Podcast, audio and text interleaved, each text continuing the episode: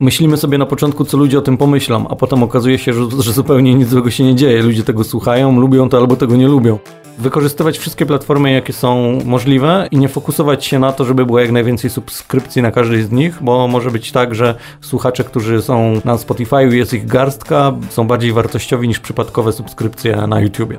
Pytania klientów są najlepszym sposobem na to, żeby stworzyć odcinek, bo oni nie siedzą w branży i pytają rzeczy tak oczywiste dla specjalisty, że aż prosi się, żeby nagrać o tym odcinek.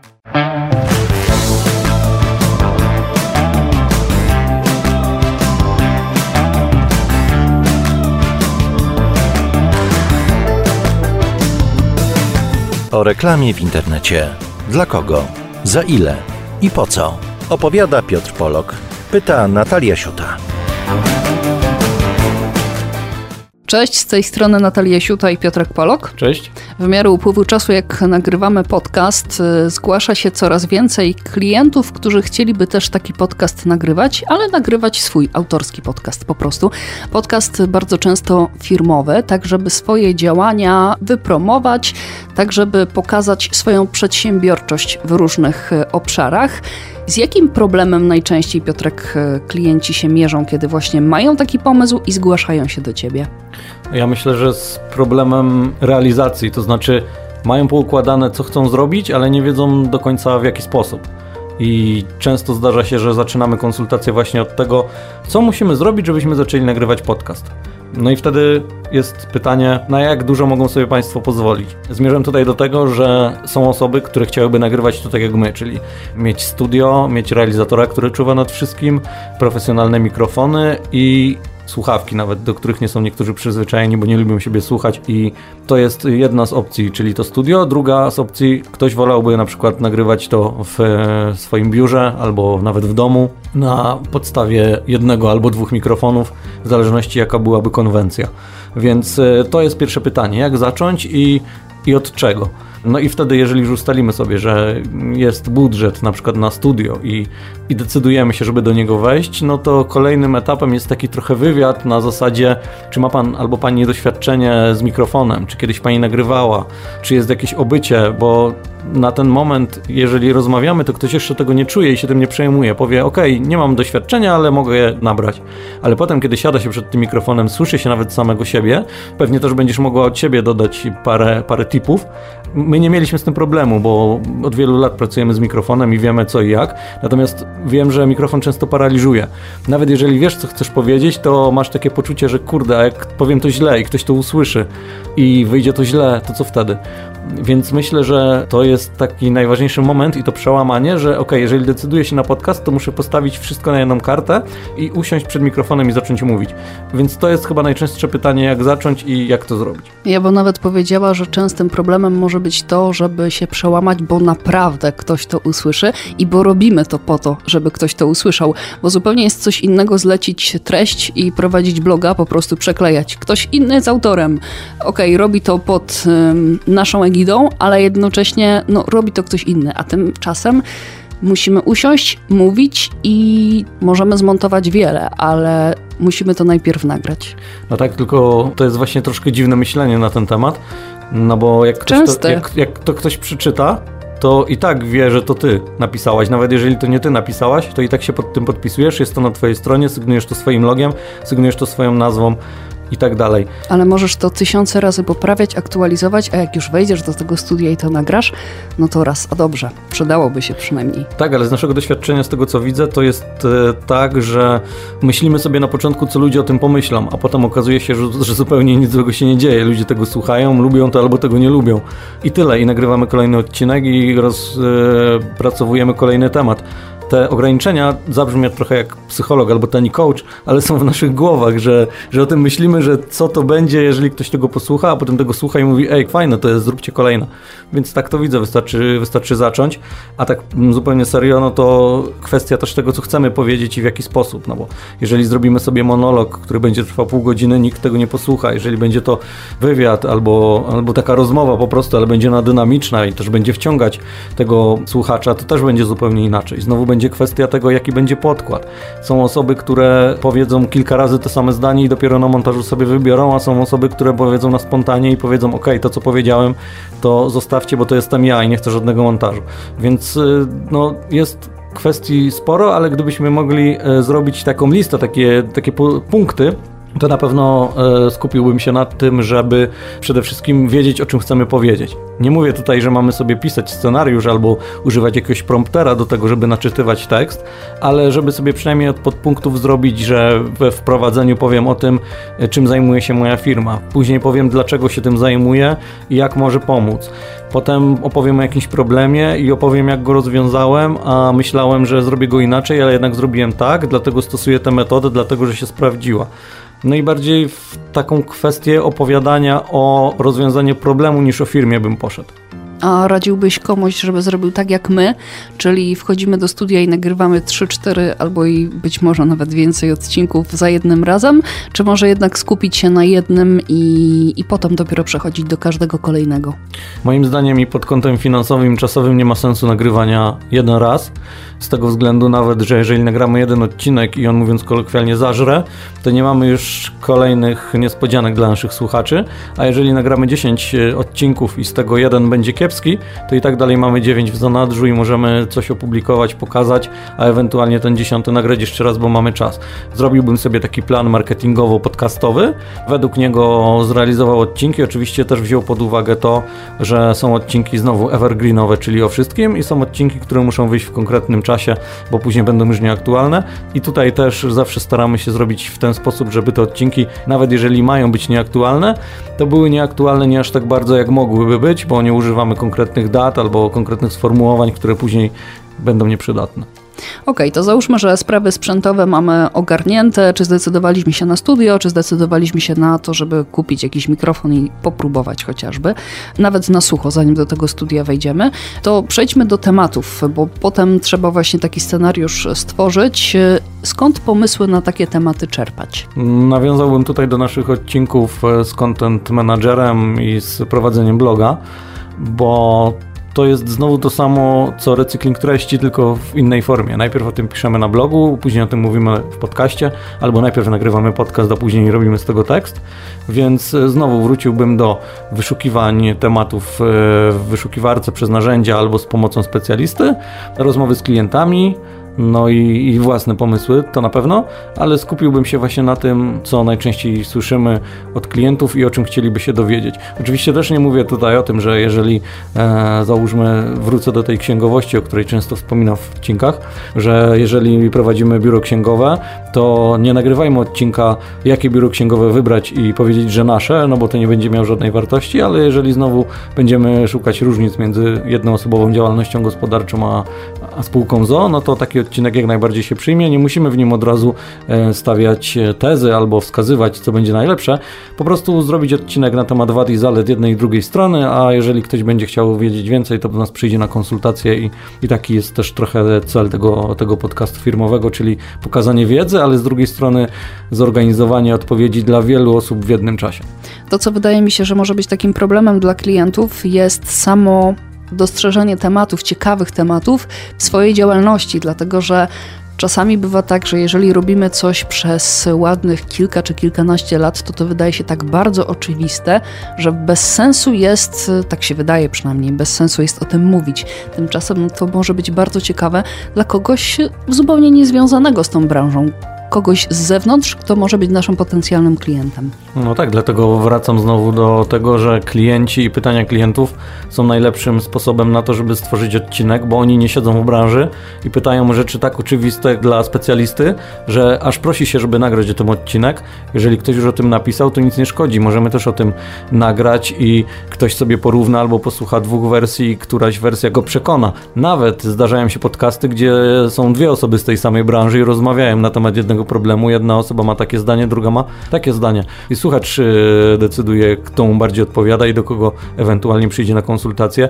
Nawet zdarza się tak, że podczas webinarów jest trzech specjalistów z jednej branży i wszyscy mają inne opinie i nikt tego nie neguje, po prostu każdy wygłasza opinię, a, a słuchacz y, albo uczestnik webinaru decyduje, kto go najbardziej przekonał i z kim warto byłoby współpracować, więc nie widziałbym tutaj żadnych problemów z tym, że ktoś już o czymś powiedział i że temat jest tak prosty, że nie warto o nim mówić. Warto się często posiłkować takimi historiami klientów, czy nie? Bo w naszym przypadku są różne przykłady, ale bardzo często to są przykłady bardzo abstrakcyjne.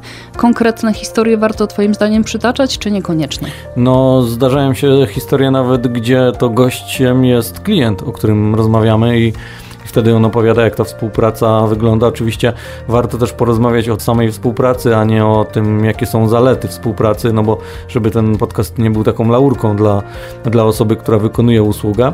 Tylko żeby powiedzieć o konkretach, powiedzieć też o tym, co się nie udało, no bo to też y, nie jest żadna, żaden wstyd, że prowadzimy jakieś działania i czasami nam się coś nie uda, nie jesteśmy perfekcyjni, a nawet czasami brzmi to bardziej naturalnie, więc y, tego bym się nie obawiał. Najbardziej skupiłbym się na samym początku właśnie na wyszukiwaniu tematów, dopasowaniu ewentualnego gościa, jeżeli go chcemy, no i opowiedzeniu o tym znowu prostym językiem, nie szukania jakichś y, słów, które brzmią super, ale są zupełnie niepotrzebne, tylko tylko prostym językiem opowiedzieć o tym, jak to się odbywa i, i dlaczego to robimy, tak jak reklamy w internecie, za ile, dla kogo i po co na przykład. To biorąc pod uwagę to, że ktoś zaczyna prowadzić taki firmowy podcast i zastanawia się nad takimi pierwszymi pytaniami, na które mógłby odpowiedzieć tematami odcinków, e, które mogłyby powstać, bardziej to powinny być odcinki o tym, jak dany jego produkt może pomóc i w czym może pomóc, czy bardziej w stronę takiej kuchni na zasadzie ten produkt powstaje w taki, a nie inny sposób. Chyba podszedłbym do tego na zasadzie znowu content marketingu, czyli rozwiązywania problemów i budowania mm, roli eksperta. To znaczy mówić po prostu o konkretnych rzeczach takimi, jakie są. Czyli jeżeli mamy spółkę ZOO i mamy e, jedną osobową działalność gospodarczą, no to powiedzieć, że wtedy bardziej JDG, a wtedy bardziej spółka ZOO. Kiedy bardziej leasing, a kiedy bardziej wynajem długoterminowy. W tym przypadku tak, natomiast y, nie zgodzę się z Tobą pod trochę innym kątem, dlatego że jeżeli miałabym produkt, który powstaje w danym miejscu i na zasadzie takiej, że to nie jest produkt internetowy, tylko produkt, który je w internecie dopiero sprzedaje, tak? Na tej zasadzie, że to gdzieś powstaje w jakimś zakładzie, to z punktu widzenia odbiorcy, klienta takiej osoby, no ja bym chciała wiedzieć, jak to powstaje. Na zasadzie takiej, że no, to nie powstaje w najprostszy możliwy sposób, jakby mogło powstać, najtańszy, ale z dbałością o każdy szczegół, z dbałością po prostu o jakość tego produktu. Okej, okay, no to tutaj Ci już rozumiem, ale, ale myślałem, że bardziej chodzi Ci o to, żeby opowiedzieć o samym produkcie, jako hej, mam taki produkt i opowiadam, fajne, ale bardziej do drugiej części. Najpierw wyszedłbym od tego, pytania klienta, czyli na przykład jak powstaje produkt, jeżeli takie pytanie by padło, no to wtedy nagrałbym taki odcinek, natomiast sam nie wiem, czy wyszedłbym, może masz rację, e, natomiast y, w takim odcinku pokazałbym, jak to robię bardziej w formie wideo, więc jeżeli byłby podcast, o tym opowiedzieć nie byłoby to takie atrakcyjne dla, mm, dla widza, chyba, że mówimy o konkretnych usługach też, no ale to znowu nie produkt. Dopasowanie formy czy formatu do produktu też jest istotne, no akurat skupiamy się na podcaście, który nie ma kamer, czyli jest takim, można powiedzieć, e, podcastem, który odpalisz, kiedy jedziesz samochodem, albo biegasz, albo jesteś zajęta i nie możesz puścić sobie w wersji wideo, więc e, no tutaj też słuszna uwaga, w sumie się wyklarowała podczas tej rozmowy, żeby dopasowywać tematy, o których możemy opowiedzieć i niepotrzebna jest ich wizualizacja. Pytam też dlatego o to, że ostatnio miałam okazję rozmawiać z panią, która tworzy perfumy, hydrolaty, tego typu rzeczy. I to powstaje w małej miejscowości, w niewielkim zakładzie, który dopiero tak naprawdę się tworzy, to wszystko raczkuje. Ono dopiero wchodzi w internet. I jak zaczęłam pytać o to, jak to powstaje, jak zaczęłam mi mówić, że pewne elementy sprowadzała specjalnie z zupełnie innych e, części świata, tylko po to, żeby to było perfekcyjnie zrobione, to na mnie to zrobiło wrażenie na zasadzie takiej, że ja mogę kupić tego typu produkt, nie ten sam, ale tego typu produkt w innym miejscu, taniej, ale jednak przekonywał mnie ten jej produkt pod takim kątem, że tam jest dbałość właśnie o te szczegóły. Okej, okay, jasne, no to znowu kwestia podejścia do tego, czy chcemy to tylko pokazać, czy o tym opowiedzieć. Wydaje mi się też, że wszystko wychodzi w praniu, jeżeli przygotowujemy tematy i widzimy, że okej, okay, dobra, możemy o tym opowiedzieć, ale nikt tego nie zrozumie, bo lepiej jest to pokazać, jeżeli ludzie kupują oczami. Natomiast znowu to, o czym powiedziałaś, to byłoby ciekawe pod kątem zaproszenia tej osoby jako gościa do innego podcastu i o tak jak często mówi się o niezwykłych osobach albo niezwykłych zainteresowaniach, no to wtedy bardziej znowu tak y, marketingowo, PR-owo e, się pokazać. Natomiast to nie rozwiązuje problemu klienta. To nie byłby taki klasyczny content marketing, w którym klient zadaje pytania, a my odpowiadamy. Czy Twoim zdaniem w przypadku podcastu firmowego bardziej sprawdziłaby się taka forma monologu, czy wręcz przeciwnie? Czy lepszy byłby wywiad? I teraz pytanie, czy jako prowadzący ten wywiad w ogóle właśnie właściciel ma występować, czy może zupełnie ktoś inny, ktoś z zewnątrz, kto też świeżym okiem na dany temat spojrzy? Nie ma tutaj jednej dobrej odpowiedzi, bo znowu wszystko zależy od branży i od. Yy tego, co będziemy promować, o czym będziemy rozmawiać. Z tych trzech propozycji dla mnie najlepszą byłoby to, żeby była to osoba z zewnątrz, która rozmawia z właścicielem firmy, bo właściciel firmy po pierwsze jest najbardziej wiarygodny, po drugie najwięcej o tej firmie wie. Wiadomo, że są osoby z działów marketingu, które prowadzą takie podcasty albo specjalnie wyznaczone, natomiast y, są to tematy też trochę takie researchowe i takie ogólne. Najwięcej o firmie wie osoba, która nią zarządza. Wiem, że to nie zawsze jest możliwe do zrobienia, bo albo jest na przykład w innym kraju, albo jest taka duża korporacja, że się nie da, ale jednak w wielu przypadkach się da, więc y, postawiłbym tutaj na właściciela firmy, który opowiada ludzkim językiem o tym, co robią, nawet jeżeli robią rzeczy niezwykłe, bo ta prostota się chyba najlepiej sprzedaje, więc y, postawiłbym tutaj na osobę, która prowadzi wywiad i nawet nie musi jej być, można to zmontować tak, że jest trochę monolog, jeżeli będzie to pasować, ale żeby brała udział y, ta najważniejsza osoba i nie musi to też być w takiej konwencji 30-minutowego monologu, bo może być to przerywane jakimiś dźwiękami albo ewentualnie wypowiedziami innych osób. Natomiast są osoby, które po prostu ustawiają mikrofon albo idą do studia i opowiadają same bez, bez pomocy innych ludzi, albo tak jak my rozmawiają we dwójkę w konwencji prowadzący specjalista albo dwóch specjalistów i gość czasami, a czasami po prostu dwóch specjalistów, tak jak teraz. Użyłeś takich słów, można to zmontować. To w takim razie kto za taki montaż powinien się zabrać, kto się tym powinien zająć? Na pewno, jeżeli chcemy mieć to zrobione dobrze, to nie próbowałbym samemu i nie chodzi mi o to, że nie da się tego nauczyć, tylko potrzeba dużo czasu na to, żeby to dobrze zrobić.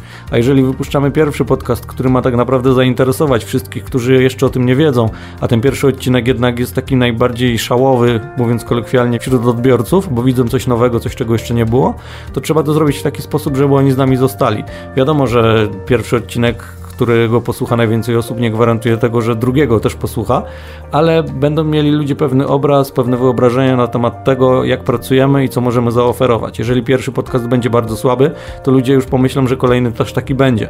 Jeżeli pierwszy podcast dopracujemy i będzie on perfekcyjny, to ludzie pomyślą, że drugi też taki będzie i jest większa szansa na to, że posłuchają.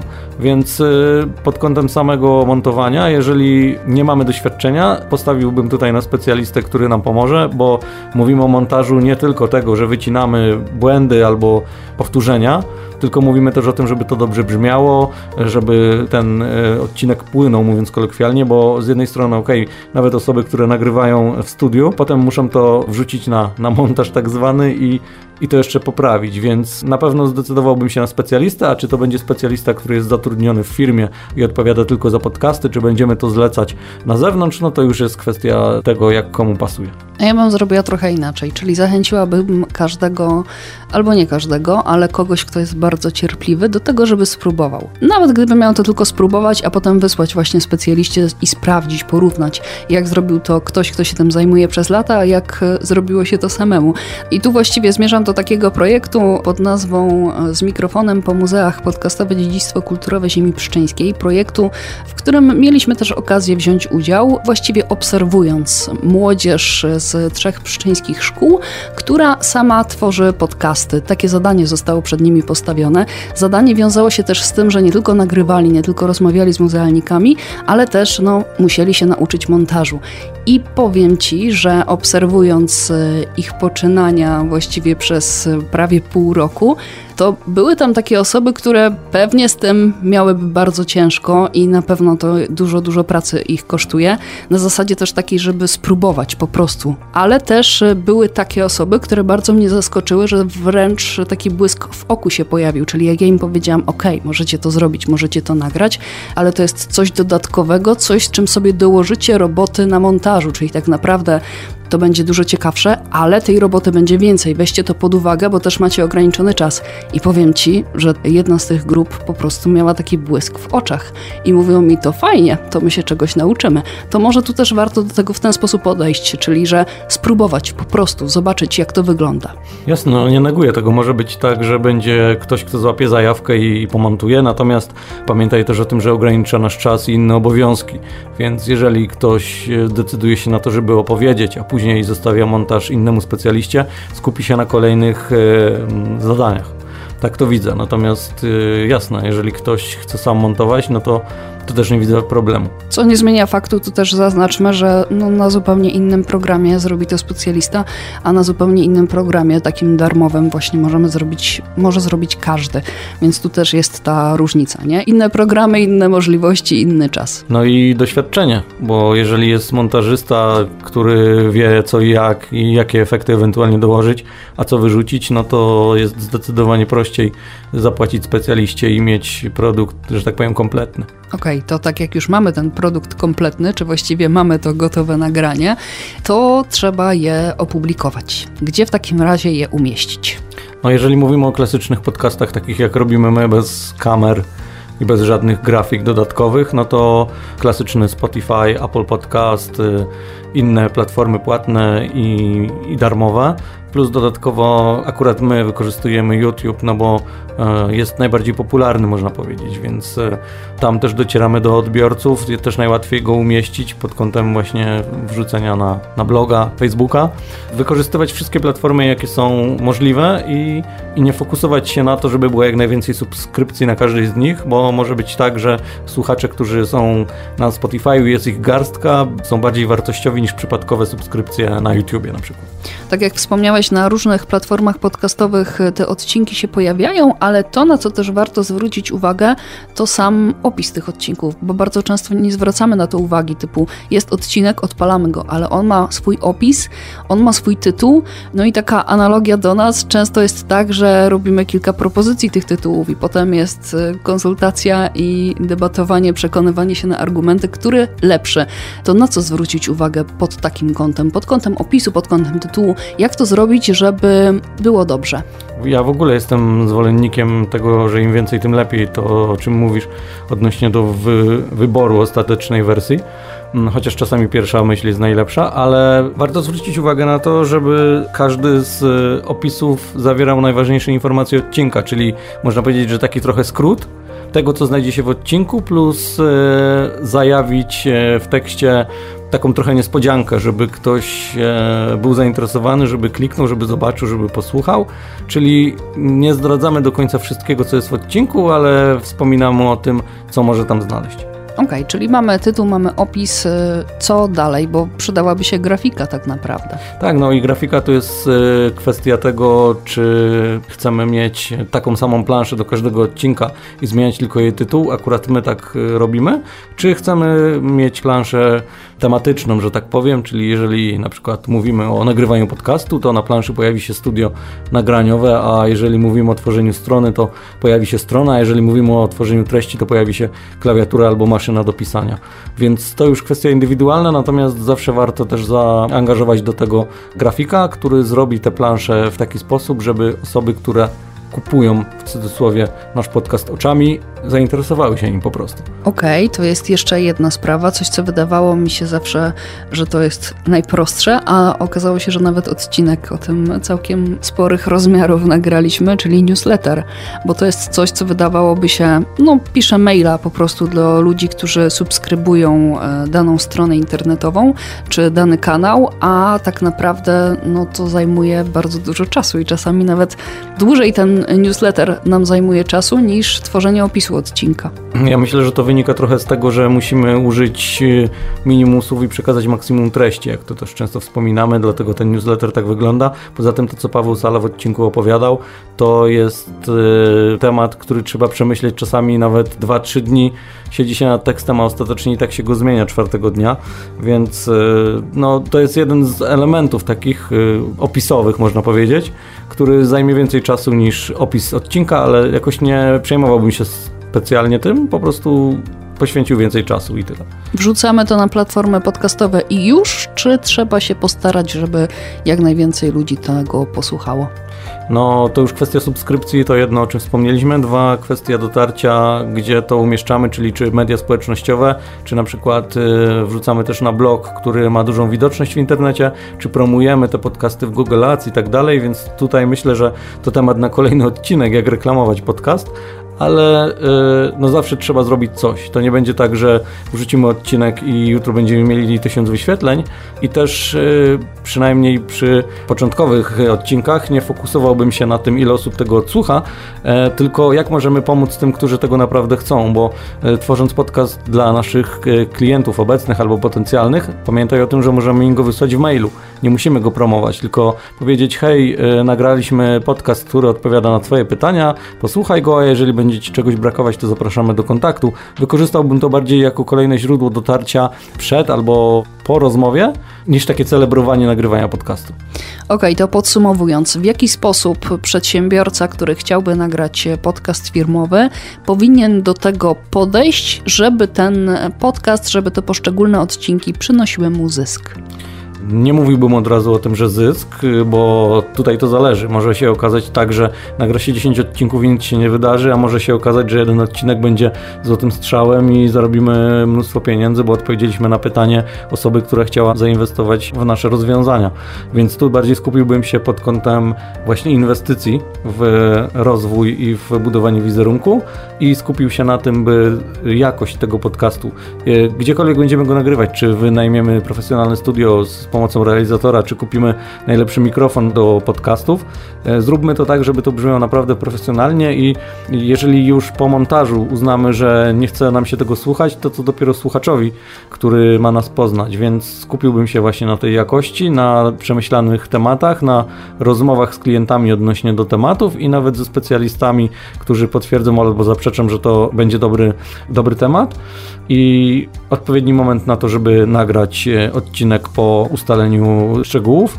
Nie sugerowałbym tworzenia całego scenariusza i później czytania, bo to bardzo wybija. Lepiej zrobić sobie plan odcinka od podpunktów, o czym chcemy powiedzieć, coś na zasadzie prezentacji i zacząć nagrywać.